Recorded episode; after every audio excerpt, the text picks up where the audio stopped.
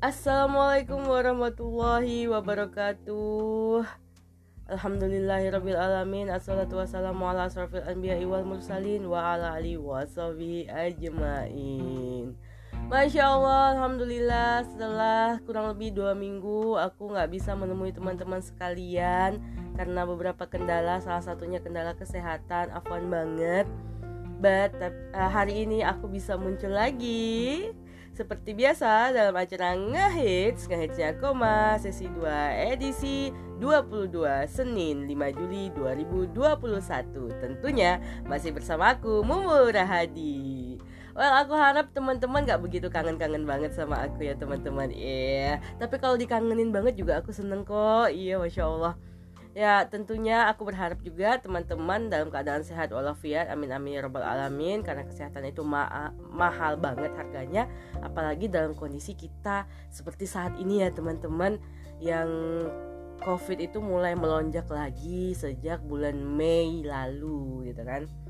Hari ini seperti biasa teman-teman, aku akan membawa sebuah tema baru yaitu ancaman COVID-19 hilangnya generasi Well teman-teman, dalam salah satu artikel media online uh, media online suara kalbar.co.id Senin 28 Juni 2021 dikatakan bahwa dalam laporan update data nasional dan analisis uh, kasus COVID-19 pada anak-anak per 24 Juni 2020 yang dikeluarkan oleh Satgas Penanganan COVID-19 dari total kasus kasus COVID-19 di Indonesia sebanyak 12,6 persen atau 250 ribu jiwa berasal dari kelompok usia anak.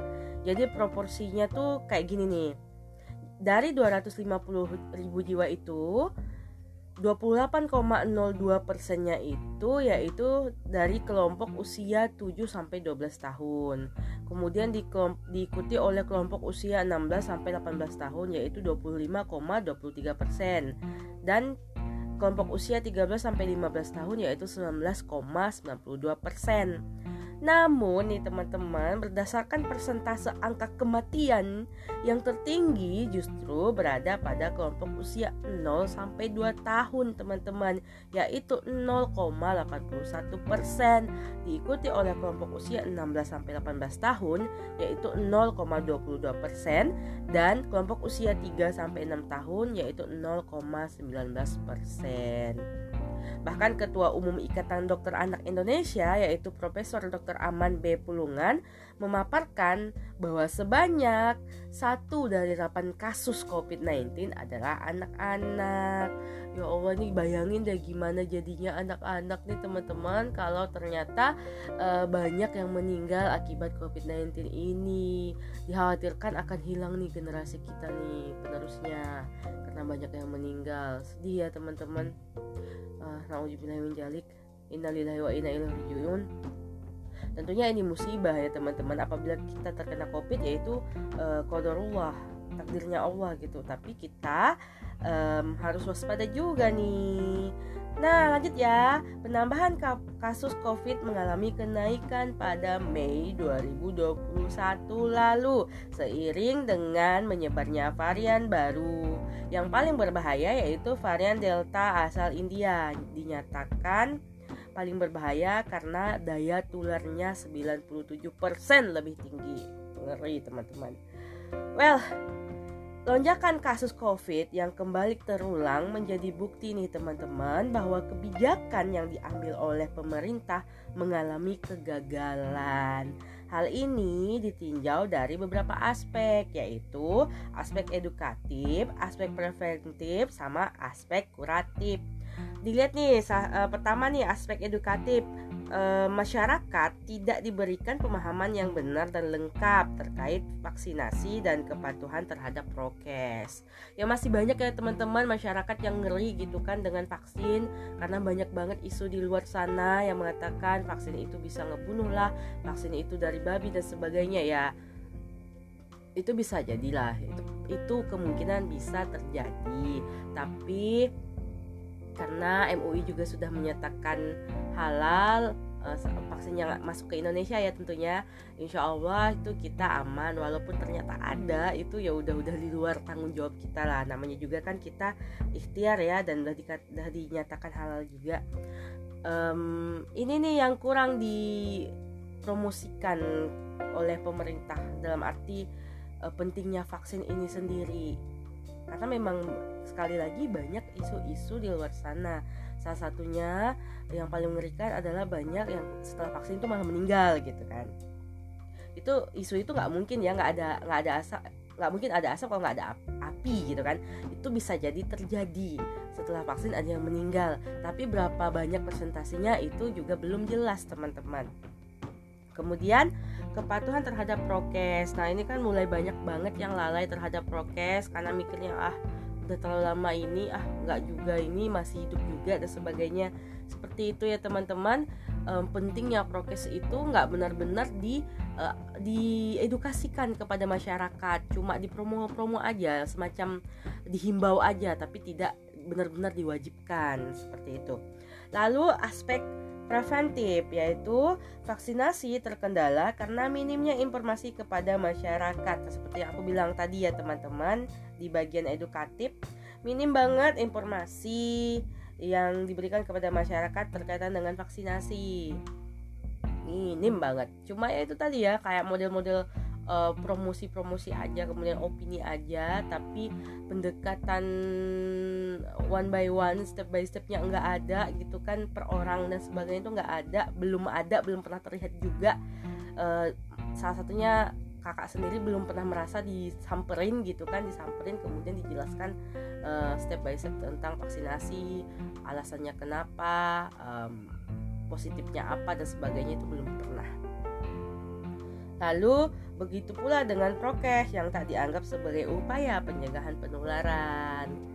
Minim tadi ya, ini berkaitan dengan edukatif tadi ya, aspek preventif. Nah, terakhir aspek kuratif yaitu pandemi tak kunjung ditangani dengan benar.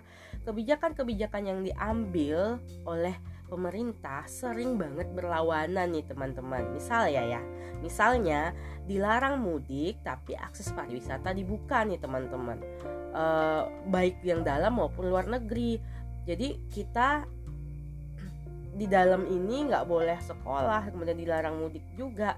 Tapi akses pariwisata dibuka baik dari luar maupun dalam negeri dan orang-orang asing yang bisa jadi dia membawa varian-varian baru yang mengerikan tadi itu dibolehkan masuk.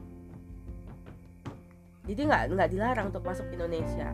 Kemudian mau lockdown tapi nggak mampu lama-lama karena nggak mampu memberikan uh, apa ya namanya itu penghidupan kepada masyarakat apa ya bahasa mudahnya nggak mampu memberikan bantuan kepada masyarakat secara 100% karena apa? Karena kalau lockdown berarti kan masyarakat nggak berkegiatan nih pasti di rumah aja nih.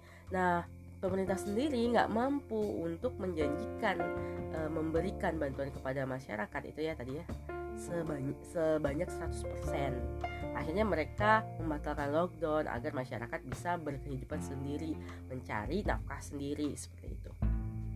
Ditambah nih tidak didorongnya ilmuwan-ilmuwan lokal untuk menghasilkan vaksin dan obat efektif untuk COVID. Jadi kebanyakan kita tuh mengandalkan luar doang gitu kan, tapi lokal sendiri nggak didorong atau nggak dibiayain pemerintah untuk melakukan uh, penelitian tersebut. Sedih ya, sedih banget padahal nih kita uh, yang namanya rumpang rumpang ya jenis-jenis kayak obat-obatan herbal tuh banyak banget alternatifnya yang bisa diteliti sebagainya. Tapi pendanaan sendiri dari pemerintah tuh kurang. Itulah dorongan tadi ya kurang banget. Jadi nge, selain ngeri dan sayang dan sedih gitu dengan keadaan ini uh, satu lagi yang disayangkan teman-teman berbagai masukan diberikan juga banyak diabaikan. Misalnya nih ya seperti masukan-masukan yang diberikan oleh ulama-ulama bahwa cara menangani wabah secara Islam tuh seperti ini loh. Itu tuh nggak benar-benar dilakukan oleh pemerintah nggak benar-benar diambil. Seolah-olah tuh kayak angin lalu aja nggak mau diterima. Padahal ini adalah cara yang paling efektif yaitu yang pertama memutuskan rantai penyebaran.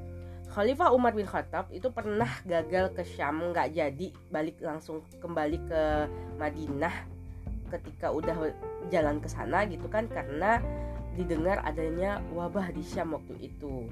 Pun Rasulullah SAW juga pernah bersabda nih teman-teman Jika kalian mendengar wabah terjadi di suatu wilayah Jangan kalian memasuki wilayah tersebut. Nah ini yang dilakukan oleh Khalifah Umar. Sebaliknya jika wabah terjadi di tempat kalian tinggal Misalnya wabah itu terjadi di sini ya di Ketapang maka janganlah kalian meninggalkan tempat itu. Jadi kita nggak boleh keluar nih teman-teman kalau memang wabah terjadi di sini. Itu e, cara untuk memutus rantai penyebaran. Nah ini hadis riwayat Al Bukhari ya teman-teman. Yang kedua, transparansi informasi. Sempat tuh di awal-awal tuh kita masalah COVID ini sering ditutup-tutupi gitu kan, jumlahnya nggak jelas berapa, uh, penyebarannya se uh, secepat apa itu sering banget ditutup-tutupi, nggak yang nggak transparan gitu. Nah ini nih yang membuat akhirnya wabah COVID itu mudah cepat banget menyebar karena tidak ada transparansi tadi.